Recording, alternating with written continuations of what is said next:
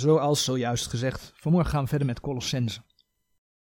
En dan wel onder het thema zie toe dat niemand u als een roof vervoeren. En dat gaan we dan doen aan de hand van Colossense 2 vers 6 tot en met 8. En dat klinkt als een waarschuwing en dat is het ook gewoon. En de laatste keer dat we bij Colossense hebben stilgestaan, zagen we ook al een waarschuwing. En toen ging het over beweegredenen die een schijn hebben. We zagen hoe in de brief van Colossense ook Laodicea genoemd wordt. En Laodicea die de gemeente in openbaring is, die bekend staat als de eindtijdgemeente.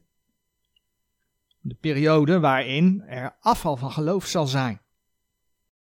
Dus Colossense is dan ook een brief met een hele nadrukkelijke boodschap voor de gemeente van Jezus Christus, maar specifieker voor de gemeente van Jezus Christus in de laatste dagen. Met andere woorden, die waarschuwingen die we lezen, ja, die zijn heel belangrijk voor ons. Nou, we zagen, twee weken geleden, hoe, hoe mooie woorden, valse woorden kunnen zijn. Door schoonspreken en prijzen, hè, want het is heel leuk als mensen mensen lief tegen je doen. Maar daardoor kun je wel misleid worden. Mensen kunnen een heel mooi gezicht opzetten, maar ondertussen hebben ze een andere agenda. Nou, dat zie je met valse profeten in het Oude Testament. De Heer waarschuwt ervoor, ook in het Nieuwe Testament, in de gemeentetijd. Nou, ook hebben we gezien hoe je door Gods woord, hoe je door zijn wijsheid, hoe je door samengevoegd te zijn in de liefde, door bijbelse vertroosting, wat, wat anders is, wat mensen tegenwoordig willen horen, lekker in de watten gelegd worden. Nee, dat is geen bijbelse vertroosting. Maar door bijbelse vertroosting word je daartegen beschermd. Dan word je standvastig. En daar zijn we toen die keer mee geëindigd. Standvastig zijn in de Heer. En dan gaan we verder lezen in Colossense 2, vers 6. Gelijk gij dan Christus Jezus den Heere hebt aangenomen, wandelt alzo in hem.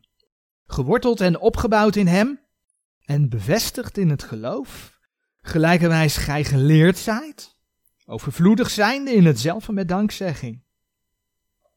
Zie toe dat niemand u als een roof vervoeren door de filosofie en ijdele verleiding naar de overlevering der mensen, naar de eerste beginselen der wereld en niet naar Christus.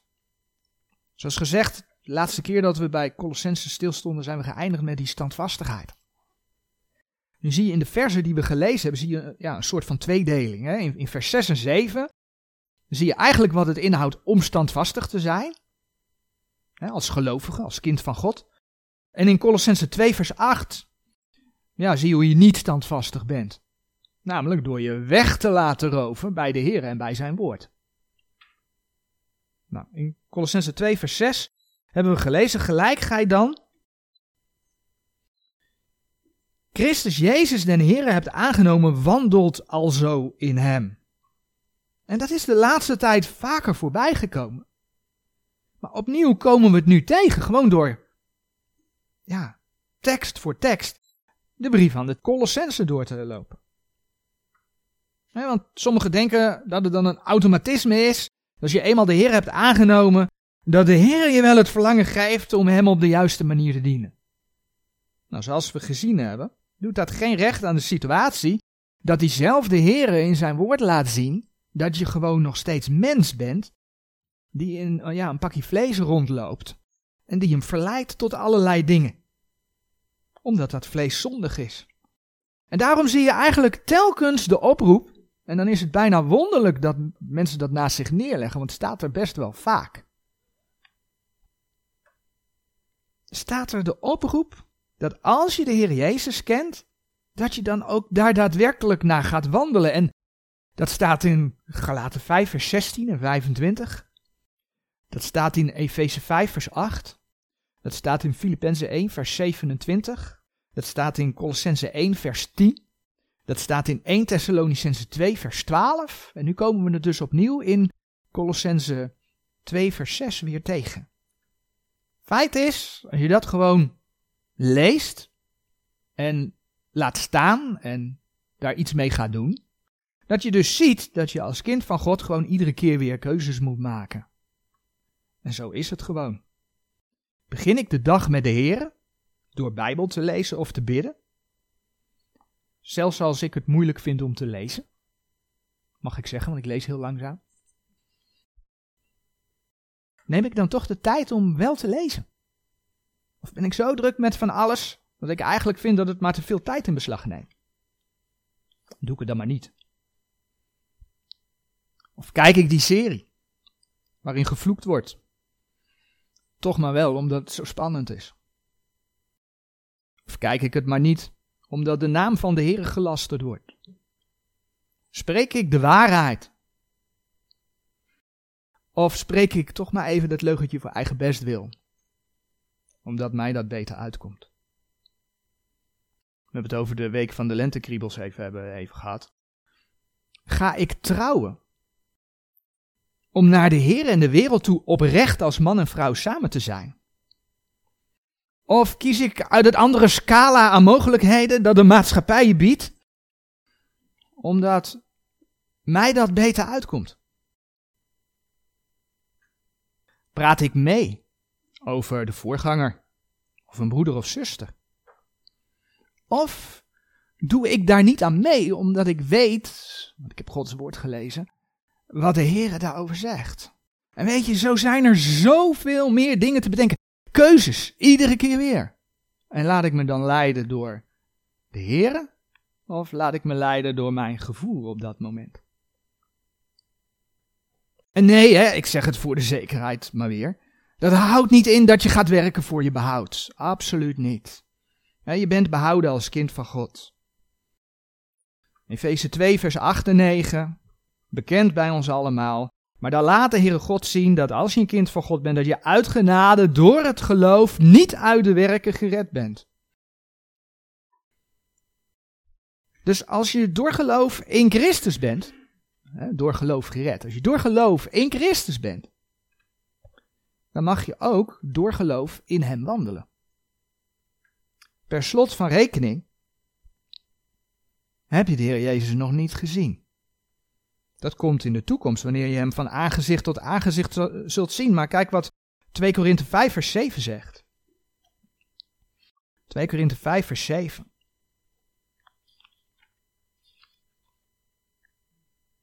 Want wij wandelen door geloof en niet door aanschouwen.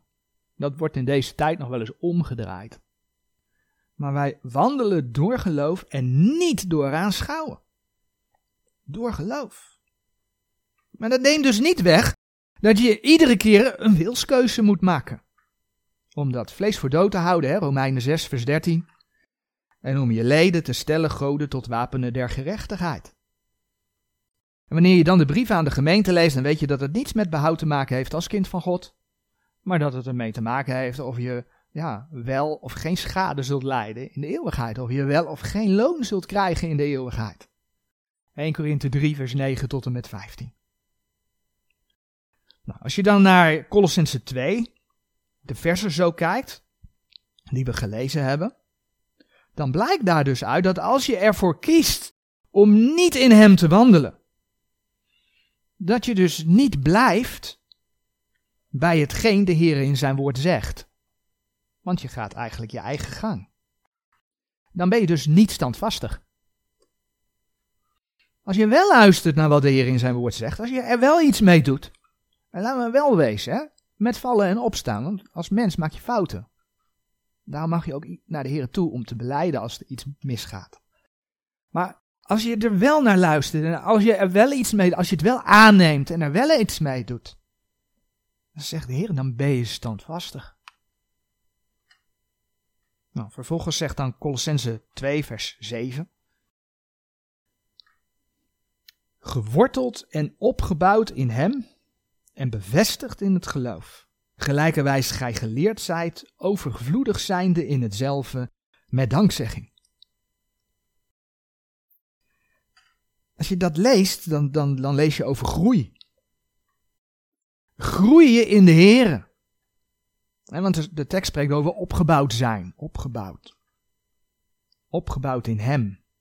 Nou, als iets opgebouwd wordt, dan groeit dat. Nou, als je dan over de gemeente gaat lezen en je komt dat bijvoorbeeld in Efeze 2, vers 19 tot 22 tegen, dan zie je dat, dat de gemeente, het lichaam van de Heer Jezus, dat groeit tot een, als een geestelijk gebouw. En die versen zeggen dat de Heer Jezus daarvan de uiterste hoeksteen is. Maar als hij de uiterste hoeksteen is en het groeit als een gebouw, wat zegt dat over de gelovigen? Dan zijn de gelovigen klaarblijkelijk ook stenen. Levende stenen. Levende stenen, want je bent levend in hem. En Gods woord schrijft daarover. Dat gaan we lezen in 1 Petrus 2. 1 Petrus 2. Vers 2 tot en met 6.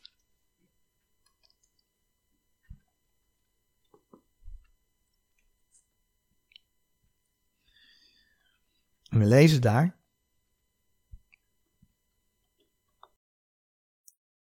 En als nieuwgeboren kinderkens zijt zeer begeerig naar de redelijke onvervalste melk, opdat gij door dezelfde moogt opwassen. Ik vind het altijd zo mooi dat, dat de Heer spreekt over onvervalste melk. Dus blijkbaar vervalste melk. Onvervalste melk, opdat gij door dezelfde moogt opwassen. Indien gij anders gesmaakt hebt, dat de Heer goede tier is, tot welke komen als tot een levende steen, van de mensen wel verworpen, maar bij God uitverkoren en dierbaar. Zo wordt gij ook zelf als levende stenen gebouwd tot een geestelijke huis, tot een heilig priesterdom, om geestelijke offeranden op te offeren, die goden aangenaam zijn door Jezus Christus. Daarom is ook vervat in de schrift, zie ik leg in Sion een uiterste hoeksteen, die uitverkoren en dierbaar is, en die in hem gelooft, zal niet beschaamd worden.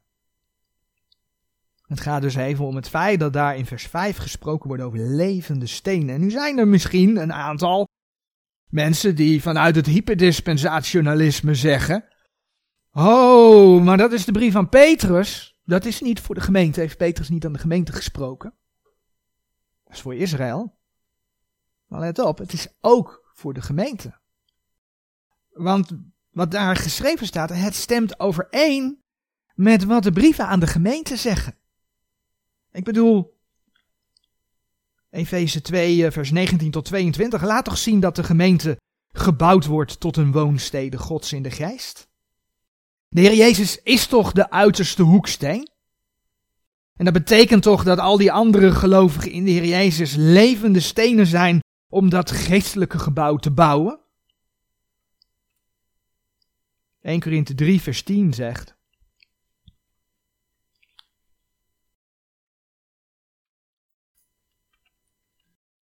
1 Korinthe 3 vers 10 zegt. Naar de genade Gods die mij gegeven is, heb ik als een wijs bouwmeester het fundament gelegd, zegt Paulus, en een ander bouwt daarop. Maar een iegelijk ziet toe hoe hij daarop bouwt. En dan komt het mooie, dat geldt niet alleen voor de gemeente van Jezus Christus als geheel, dat geldt ook voor jou persoonlijk. Je mag groeien in de Heer Jezus. We hebben het uh, al eerder gezien in, in Colossense ook. Toen we door die versen heen gingen, Colossense 1 vers 10 spreekt daarover. Opdat gij moogt wandelen waardiglijk de Heere tot alle behagelijkheid in alle goede werken vruchtdragende en wassende in de kennis Gods. Wassende, dat betekent groeiende. Als kind van God moet je geen baby blijven. Maar als kind van God moet je wassen, moet je groeien. Groeien door het woord van God. Door dat tot je te nemen. Hè? We lazen het in 1 Petrus 2 vers 2. Die redelijke onvervalste melk. En als je zo bouwt op dat fundament, als je zo groeit in de Heer, ja, dan word je standvastig. Dan word je, daar spreekt Colossense 2 vers 7 over, dan word je bevestigd in het geloof. Maar als je dan een storm meemaakt en je blijft staan, omdat je standvastig geworden bent, dan word je bevestigd.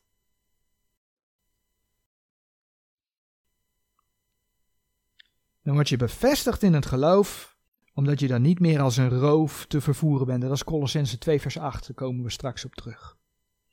Nou, als het om die standvastigheid gaat, hebben we in het verleden wel vaker stilgestaan bij Efeze 4 vers 11 tot en met 15. Waar geschreven staat dat je groeit om niet meer als een kind te zijn. Een kind die, zo staat het in die met alle wind der leer als de vloed bewogen en omgevoerd wordt. Je bent op de weg, maar je wordt omgevoerd omdat er, ja, er komt weer zijwind, tegenwind. Dan ben je dus niet standvastig. En daarvoor is het de bedoeling dat je wel standvastig wordt. En dan, laten die versen ook zien dat als je dus niet meer een kind bent, dat het dus niet meer lukt om door de bedriegerij der mensen, want dat is dan de oorzaak ervan, door arglistigheid om listiglijk tot dwaling gebracht te worden. Dat lukt dan niet meer. Efeze 4, vers 14. Oftewel, je bent standvastig. Dat standvastig zijn komt ook tot uiting in het eerste woordje van Colossense 2, vers 7. Namelijk het geworteld zijn in Hem. Als je aan een boom denkt, ja, dan zie je alleen het deel wat boven de grond zit. Maar in de grond, er zit een heel, ja, hele vertakking, een heel wortelstelsel. En dat is vaak ook heel groot. Door dat wortelstelsel krijgt de boom voeding. Maar door dat wortelstelsel in de grond staat die boom ook stevig. En dat is de bedoeling. Want als het dan gaat stormen, dan blijft het staan. Nou, dat is een hele mooie vergelijking, want uit die vergelijking blijkt ook weer hoe belangrijk dat woord van God is. Want om te groeien heeft die boom goede aarde nodig. En dan kun je denken aan de gelijkenis van de zaaier. Bladeren we even naar Lucas 8. We gaan het niet helemaal lezen, maar dan kun je even ook de teksten zien die ik daaruit aanhaal. Lucas 8. De gelijkenis spreekt over zaad dat op steenachtige plaatsen viel en dat daardoor niet kon groeien, omdat de wortel zich niet kan ontwikkelen. Dat lees je in Lucas 8, vers 13. En dan laat Lucas 8, vers 6, laat nog zo mooi zien, dat hetgene wat op de steenrots viel, dat het opgewassen zijnde is het verdord, omdat het geen vochtigheid had. Het had geen vochtigheid. Het had geen water. Nou, en van het zaad dat een in goede aarde viel, staat in, in vers 15 geschreven dat het in een eerlijk en goed hart bewaard wordt en vrucht kan dragen. Nou, als je daarover nadenkt, wanneer kan het woord van God zijn werk doen? Wanneer? Niet alleen als je het leest, maar ook als je het gelooft. We hebben daarbij stilgestaan in Colossense 1 vers 6, want daar kun je dat uit afleiden. Colossense 1 vers 6, daar staat, het welk tot u gekomen is, gelijk ook in de gehele wereld, en het brengt vruchten voort, gelijk ook onder u, van dien dag af dat gij het gehoord hebt, en de genade Gods in waarheid bekend hebt. Dus niet alleen horen, maar ook duidelijk bekennen dat het de waarheid is. Geloven dat het de waarheid is. En zo zegt dan 1 Thessalonicense 2 vers 13. 1 Thessalonicense 2 vers 13. Daarom danken wij ook God zonder ophouden dat als gij het woord der prediking Gods van ons ontvangen hebt, gij het aangenomen hebt, niet als der mensen woord, maar gelijk het waarlijk is als Gods woord dat ook werkt in u die gelooft. Geloof ligt aan de basis van het feit dat Gods woord zijn werk in je leven kan doen. Dus geloof je het woord van God. Want alleen dan doet hij zijn werk. Alleen dan kun je standvastig worden in hem. Maar om te groeien heeft die boom ook water nodig. En waar is water in de Bijbel een beeld van? Ja, maar ook van het woord van God. Dat kun je vinden in Efeze 5, vers 26. Daar staat dat geschreven. Het water is, is een beeld van het woord van God. En dan is het mooi om te lezen wat er in Psalm 1, vers 1 tot en met 3 geschreven staat. Psalm 1, vers 1 tot en met 3. Wel gelukzalig is de man die niet wandelt in de raad der goddelozen, noch staat op de weg der zondaren, noch zit in het gestoelte der spotters, maar zijn lust is in des Heren wet en hij overdenkt zijn wet dag en nacht. Want hij zal zijn als een boom geplant aan waterbeken, die zijn vrucht geeft op zijn tijd, en welks blad niet afvalt, en al wat hij doet zal wel gelukken. Zie je dat? Hoe een boom die aan het water geplant is en vrucht draagt, vergeleken wordt met iemand die zich eigenlijk continu verdiept in het woord van God, daar een lust in heeft en daardoor ook in hem kan wandelen. Dat vind je allemaal in Psalm 1, vers 1 tot en met 3. Dus door het woord van God tot je te nemen, je erin te verlustigen en het aan te nemen, ontwikkel je dus een sterke boom met een goed wortelstelsel dat vrucht draagt. En dat maakt dus dat die boom kan blijven staan als er storm komt. Dat maakt dus dat jij kunt blijven staan als er storm komt. Een geestelijke storm. Dat maakt je standvastig. En als laatste zegt Colossense 2, vers 7 dan. Daar sluit het mee af. Overvloedig zijnde in hetzelfde met dankzegging. Dus je wordt eigenlijk aangemoedigd om overvloedig te zijn in het groeien. In het groeien en standvastig worden. Groeien is niet iets wat je even doet. Zo, nu ga ik even groeien. als je gewoon fysiek naar de natuur kijkt, als alles goed gaat, groeit een kind door. Het is niet even van, nou, nu ga ik even groeien. Ja, je ziet dat er wel fases in zijn natuurlijk, maar het is een proces dat doorgaat. Daarvoor heeft het voedsel nodig. Nou, fysiek gezien raak je een keer uitgegroeid. Maar geestelijk gezien moet je doorgroeien. En we lazen al in Psalm 1, vers 2 dat het over dag en nacht verlustigen in het woord van God gaat. En nu hebben we als mens natuurlijk ook onze dagelijkse taken. Maar in principe staat er eigenlijk dat je er gewoon continu mee bezig bent. Blijf je voeden met zijn woord. En je mag dat met dankzegging doen. Anderen mogen danken als ze je zien groeien. Dat is ook een reden om voor te danken. Als je ziet dat broeders en zusters groeien, met het woord bezig willen zijn. Nog weer een reden om te danken. Maar dan mag je dus ook zelf voor danken. Laten, we, laten we dat vers in 2 Thessalonicense 1 vers 3 lezen. Dat zo mooi zegt.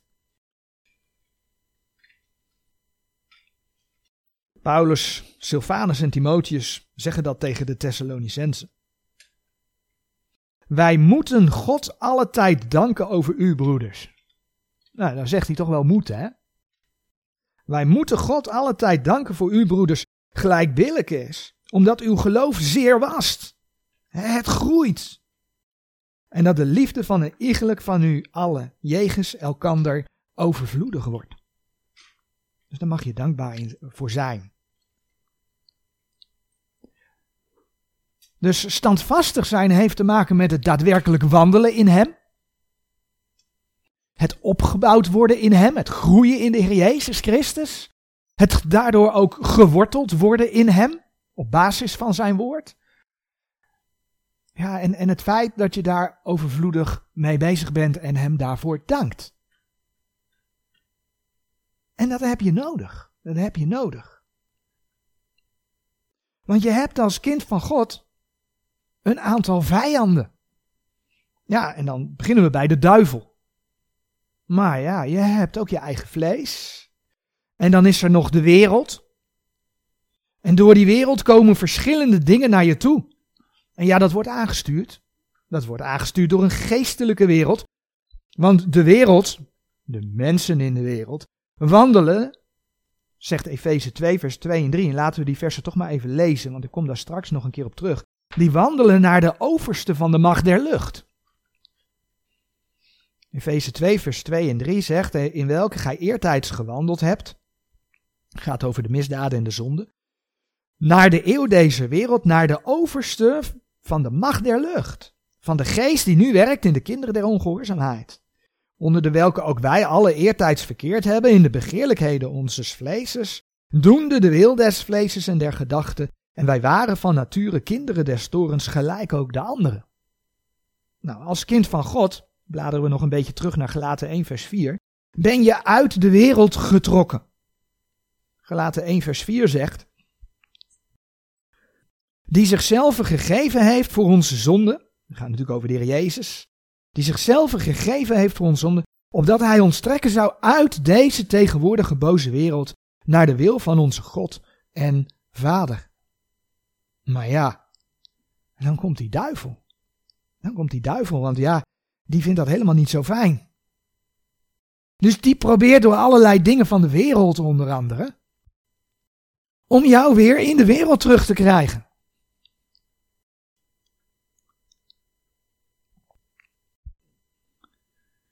Die duivel probeert dus door middel van allerlei dingen van de wereld jou weer in die wereld terug te krijgen, zodat je niet standvastig bent. Zodat je wel een prooi wordt voor storm en golven. Zodat je wel een prooi wordt voor alle wind en leer, door de bedriegerij der mensen, door arglistigheid, om listiglijk tot dwaling te brengen. Jongen, wat een woorden hè. Het zijn niet mijn woorden hoor. Efeze 4 vers 14 zijn Gods woorden. Zodat je dus alsnog misleid wordt en deel wordt van de afval van geloof van de laatste dagen. En daar is hij op uit. Onder christenen. De wereld wil die verblinden, zodat ze niet bij Christus komen. Maar ons wil die het liefst zo ver mogelijk van de waarheid af hebben. Nou, een van de manieren, daar hebben we dan de vorige keer bij stilgestaan, is, is de beweegredenen die een schijn hebben. Of schoonspreken en prijzen.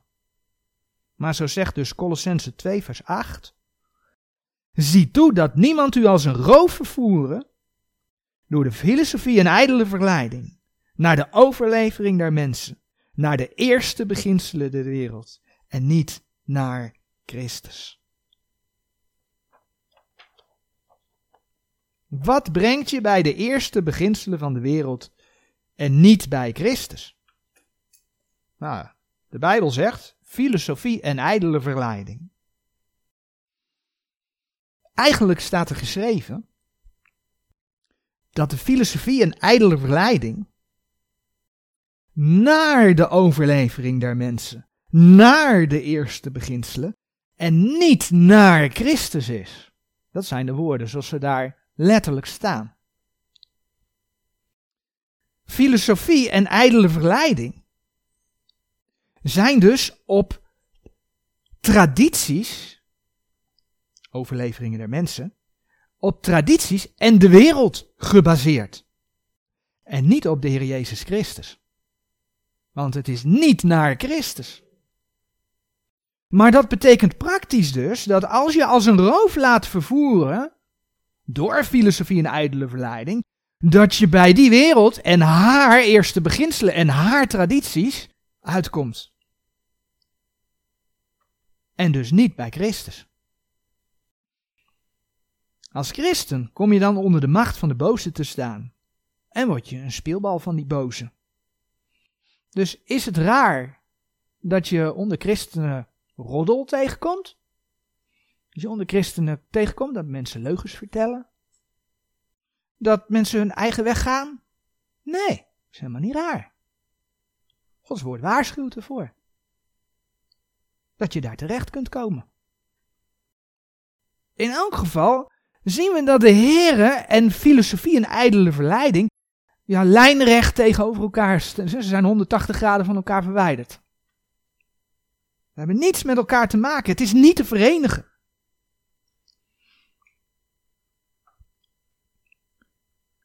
En ik zeg dat heel specifiek, omdat het belangrijk is. Waarom? Omdat er heel vaak over christelijke filosofie gesproken wordt. Heel vaak. Men zegt dan bijvoorbeeld dat Mozes ook een filosofie had. Dat anderen in de Bijbel ook een filosofie hadden. Dan is het christelijk geloof dus een filosofie. Maar de Bijbel laat zien dat, dat het geloof in Jezus Christus en filosofie, die helemaal niks met elkaar te maken hebben. Het is belangrijk om te weten, omdat dat ook bepaalt hoe je met die tekst Colossense 2 vers 8 omgaat. Als je dus ergens hoort, als er ergens gesproken wordt, of je leest het ergens, dat men het heeft over bijbelse filosofen, dan weet je dat men al bezig is om niet bij Christus uit te komen. Al gebruiken ze zijn naam, al gebruiken ze zijn woord, al vergelijken ze schrift met schrift. Dan weet je dat ze al op weg zijn om niet bij Christus uit te gaan komen, om op de weg van de afval te komen. Zie toe dat niemand u als een roof vervoeren door de filosofie en ijdele verleiding, zegt Colossense 2 vers 8. En wat is filosofie? Filosofie is, is het houden van het liefhebben van wijsheid. En wat filosofen doen is dus het zoeken naar ja, onderliggende oorzaken, verbanden, die de realiteit waar ze in leven, die dat verklaren. Nou, in elk geval in, in de westerse filosofie in elk geval de, de, de westerse filosofie vindt haar oorsprong in het oude Griekenland. Komt bij de oude Grieken vandaan. Oude Griekse filosofen. Plato, Socrates, Aristoteles. Namen die wel bekend zijn, denk ik. Maar er waren er vele meer. Nou heb je binnen de filosofie, zeker vandaag de dag, heel veel stromingen. En toch kun je ze in de basis terugbrengen tot vier. En die heb ik even op de dia gezet. En we gaan daar niet heel diep op in hoor. Maar ik wil ze wel even noemen. Je hebt het naturalisme, materialistisch gericht, gelooft in het direct waarneembare, het tastbare. Oftewel, er is geen hoger doel. Evolutietheorie past daar heel mooi bij. Het is allemaal toevallig uit de grote knal ontstaan. Geen hoger doel. Maar dan heb je ook het idealisme. Het idealisme daarentegen gelooft wel in een hoger doel, misschien zelfs wel in goden. dat zijn dan de idealen. Dan heb je het realisme. Realisme is een mengsel van naturalisme en idealisme. Dat zijn dus mensen, materialisten, maar die toch wel herkennen dat er bepaalde idealen zijn die toepasbaar zouden zijn op, op de werkelijkheid die je ervaart. En dan heb je nog het pragmatisme, waarbinnen alles goed is als je je doel maar bereikt. Oftewel, normen en waarden vallen daarbinnen helemaal weg. Want ja, als jouw doel is, ik bedoel, Hitler had ook een doel, toch? Vanuit het pragmatisme heeft hij dat dus goed aangepakt. Nou, niet helemaal, want hij heeft verloren. Maar zo kun je elke kant op redeneren. Dus we gaan daar niet diep op in. Maar je ziet in elk geval dat het heel breed is. En dat er dus stromingen kunnen zijn die tegengesteld kunnen zijn. Maar toch is het allemaal filosofie. Maar wat hebben ze dan gemeen? Wat hebben ze gemeen? Nou, als je naar de oude Grieken gaat kijken, dan hebben ze één ding gemeen. En dat is dat ze niet geloven dat het woord van God de waarheid is. Dat ze niet geloven dat er een absoluut woord van God is. Ze geloven niet dat er een hel is. Ze geloven niet dat je als mens gered moet worden door persoonlijk geloof in het sterven en de opstanding van Jezus Christus. Ze geloven niet dat Jezus Christus terugkomt. Hierin zie je dus heel duidelijk dat filosofie opnieuw, en de Heer Jezus Christus lijnrecht tegenover elkaar staan.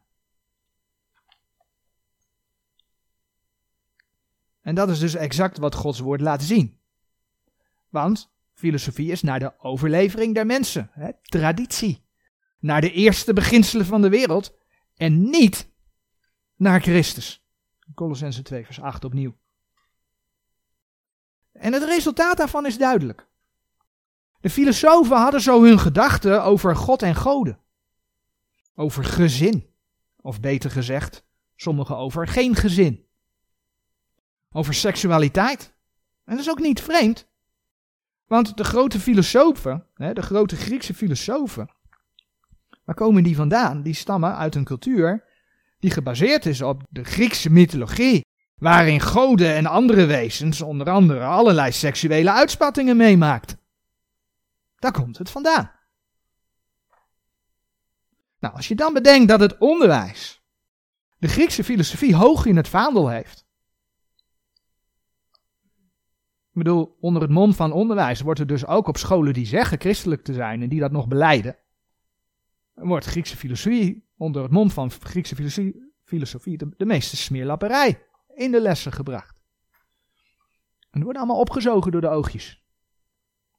En omdat men beweert dat die westerse cultuur in feite gebaseerd is op de Griekse filosofie, dan besef je dat het niet vreemd is dat de maatschappij tegenwoordig bol staat van allerlei seksuele uitspattingen. Die haak staan op Gods woord. Het is Sodom en Gomorra geworden. ik bedoel, de kinderen die binnenkort weer massaal voorgeschoteld krijgen wat ze tegenwoordig willen dat kinderen leren in die week van de lentekriebels. Sodom en Gomorra. En ja, de maatschappij dendert achteruit. In onze ogen. Maar dat komt omdat wij denken aan een christelijke maatschappij. En ik breng in beeld wat je op de audio niet hoort, maar ik plaats het christelijke maatschappij even tussen quotejes. Voor zover die ooit bestond.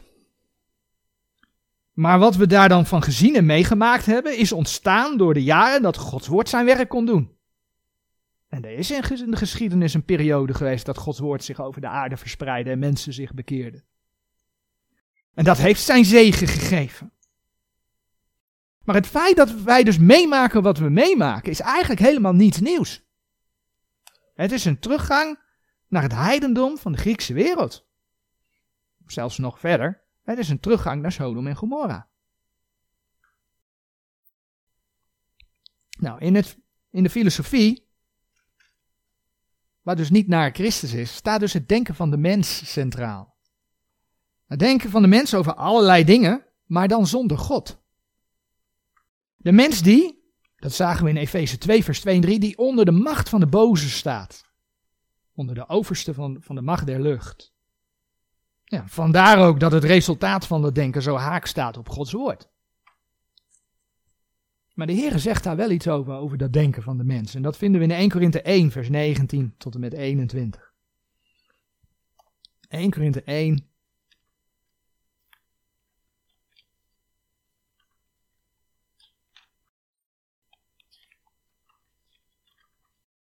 vers 19 tot en met 21.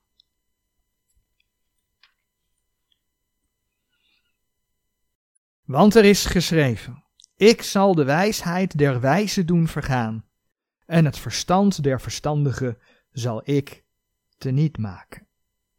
Waar is de wijze? Waar is de schriftgeleerde? Waar is de onderzoeker deze eeuw? Heeft God de wijsheid deze wereld niet dwaas gemaakt? Want nademaal in de wijsheid Gods de wereld God niet heeft gekend door de wijsheid, zo heeft het Gode behaagd door de dwaasheid der prediking zalig te maken die geloven.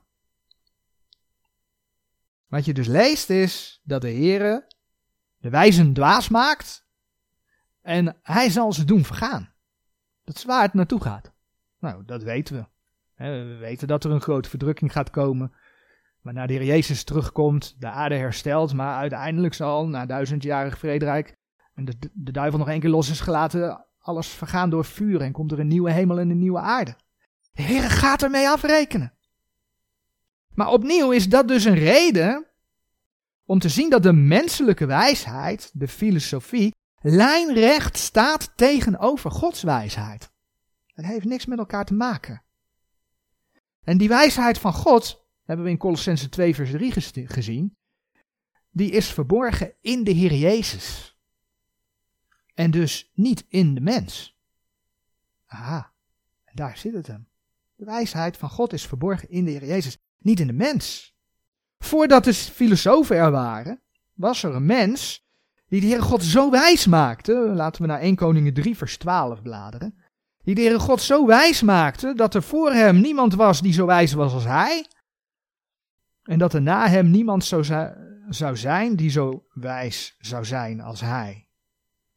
Dus er is één mens waarvan God heeft gezegd, die is echt zo wijs geweest Niemand evenaart dat. In het verleden niet voor hem, maar ook na hem niet meer. 1 Koningen 3 vers 12 gaat over Salomo.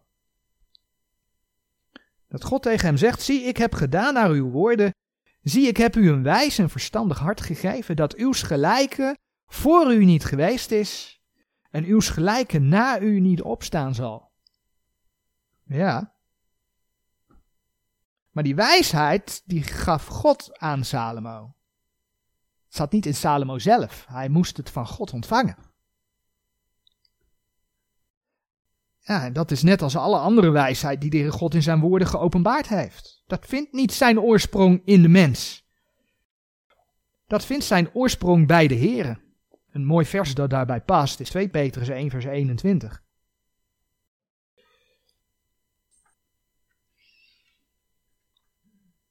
Want de profetie is voortijds niet voortgebracht door de wil eens mensen, maar de heilige mensen gods van de heilige geest gedreven zijnde hebben ze gesproken. Daar heb je het. Het is openbaring van de Heer. Hij geeft de wijsheid in de mensen. Laat je dus niet door filosofie wegtrekken bij de Heer Jezus en brengen bij de wereld. Ja, en dat heeft bijvoorbeeld te maken met de vertalingenkwestie. Allereerst is het een feit, en daar gaan we vandaag niet uitgebreid bij stilstaan hoor, maar dat men in Alexandrië de schrift heeft willen vermengen met filosofie. En dat heeft ook nog een naampje, platoniserende filosofie, oftewel het komt bij Plato weg. Griekse filosoof. Daar heeft men de schrift mee willen vermengen om de schrift beter begrijpbaar te maken. Nou, we weten wat de Heer zegt, zie toe. Nou, zo hoor je vandaag de dag heel veel zeggen. Kies een vertaling die bij je past. Maar weet je dat het een hele moderne gedachte is? Kies een vertaling die bij je past, want dat plaatst jou in het centrum. Dat plaatst jou in het centrum. Dat zegt eigenlijk dat het niet om Gods woord gaat, dat we een Gods woord hebben waar jij wat van kunt leren. Nee, dat zegt eigenlijk dat het om jou gaat en dat jij bepaalt wat goed is voor jou. En dat is een product van de filosofie. En dat staat haaks op het feit dat God in zijn woord laat zien dat hij belofte gegeven heeft dat hij die woorden zou bewaren. Oftewel, er is wel echtheid. Er is wel echtheid. Psalm 12, vers 7 en 8, hè? Zijn wel bekend bij ons. Dat betekent dus dat Gods woord zich niet aan jou moet aanpassen, hè? dat je kunt uitzoeken wat bij jou past. Nee, dat betekent dat jij je aan Gods woord gaat aanpassen. Door Gods bewaarde woord te lezen. Omdat de Heere zichzelf daarin openbaart. Erasmus, degene die eigenlijk aan de wieg gestaan heeft van het feit dat wij een reformatiebijbel beschikbaar hebben.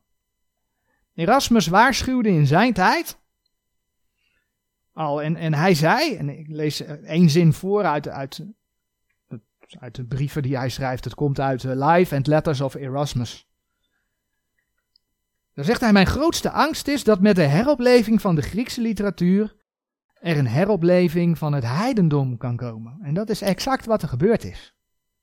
Een heropleving voor de Griekse literatuur en daarmee is het heidendom herleefd. Het heidendom bevindt zich onder de christenen. Ik heb uh, in het verleden wel laten zien hoe moderne woordstudies eigenlijk een cursus Griekse filosofie zijn geworden. Men, men, vergelijkt geen schrift met schrift meer. Om de betekenis van een Bijbels woord te achterhalen. Maar men vergelijkt vooral de Griekse filosofen en wat zij over een woord lezen. Dit is een pagina, weliswaar online, maar een pagina uit een lexicon.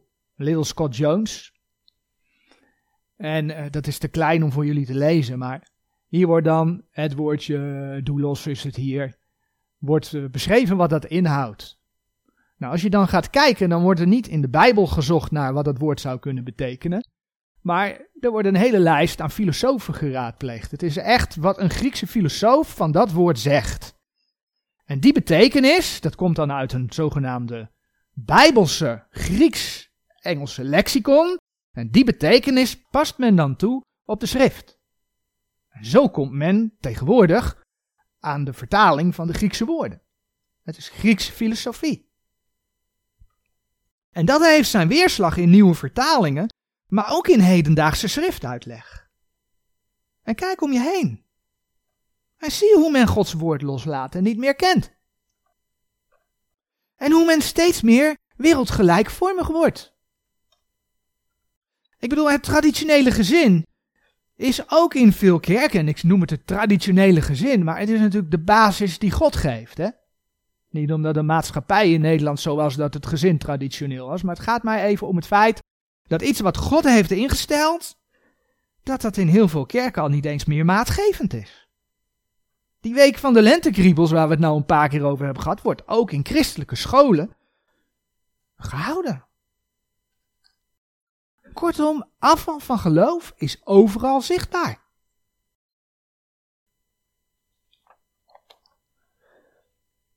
Diverse christenen noemen zich filosoof. Augustinus en Calvijn hebben hun leer bijvoorbeeld deels gebaseerd op de Griekse filosoof Plato. Augustinus, een van de bekende kerkvaders, zijn leer vindt onder andere zijn weerslag in de Rooms-Katholieke Kerk. Denk aan de sacramenten en het feit dat Rome centraal staat, noem het maar op. Komt bij Augustinus vandaan. Onder andere. Maar ja, de Rooms-Katholieke Kerk is dan ook de kerk van de tradities. En wat zei de Heer Jezus nou toch ook alweer over tradities? Laten we Marcus 7 opzoeken. Onthoud hè, dat filosofie en ijdele verleiding je brengt bij de overleveringen der wereld, bij de tradities. Colossense 2 vers 8, maar wij zoeken nou Marcus 7 op. Kijken we wat de Heer Jezus over traditie zei. Marcus 7 vers 8 en 9. Doch te vergeefs eren zij mij, lerende leringen die geboden zijn der mensen. Overleveringen der mensen. Want nalatende het gebod Gods, houdt gij de inzettingen der mensen, als namelijk wassingen der kannen en drinkbekers, en andere diergelijke dingen doet gij velen.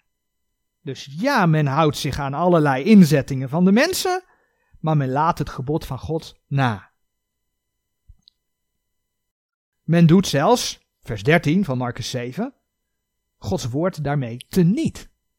Staat er geschreven. Marcus 7, vers 13. De Rooms-Katholieke Kerk leert dan ook dat redding door sacramenten is.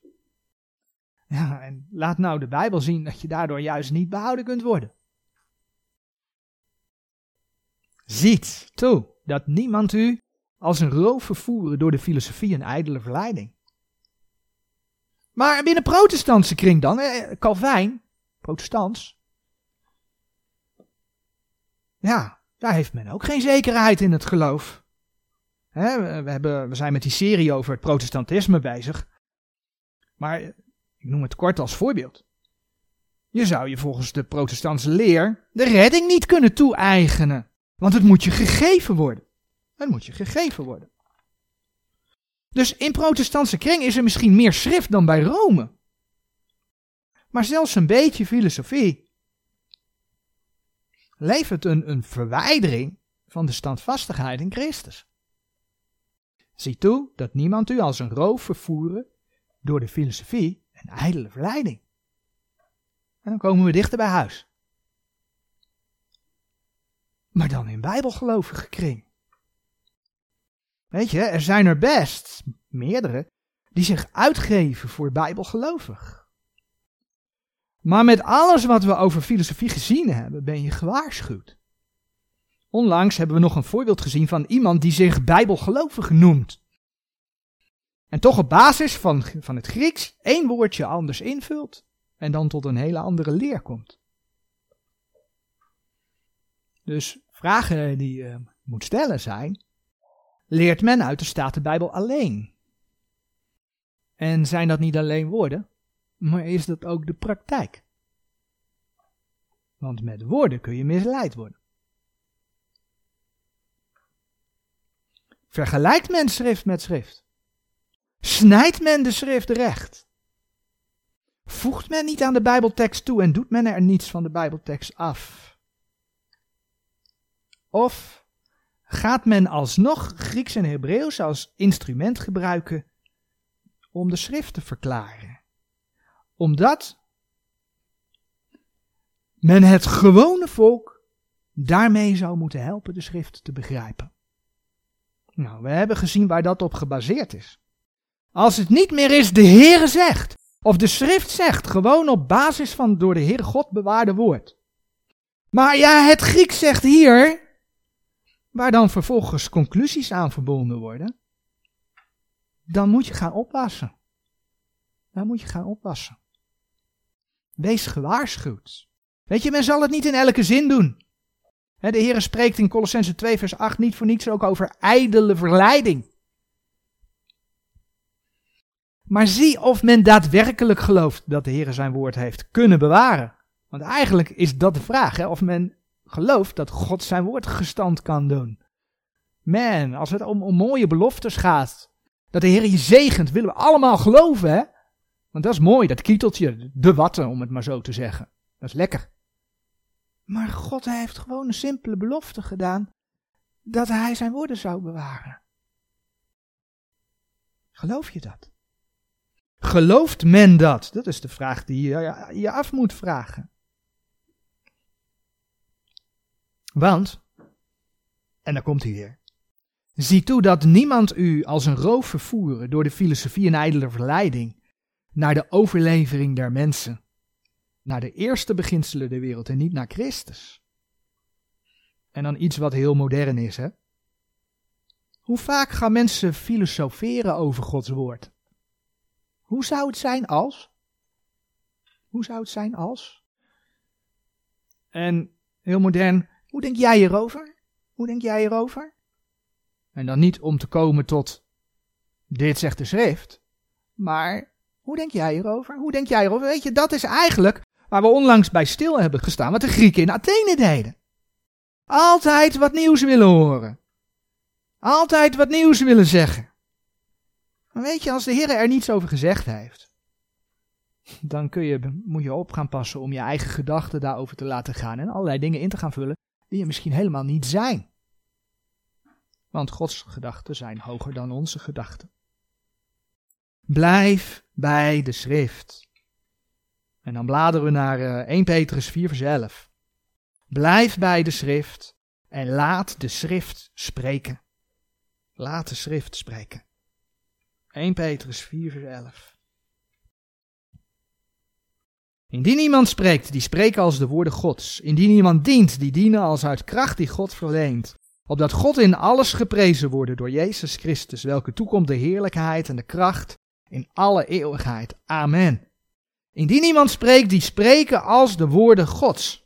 Duidelijk toch?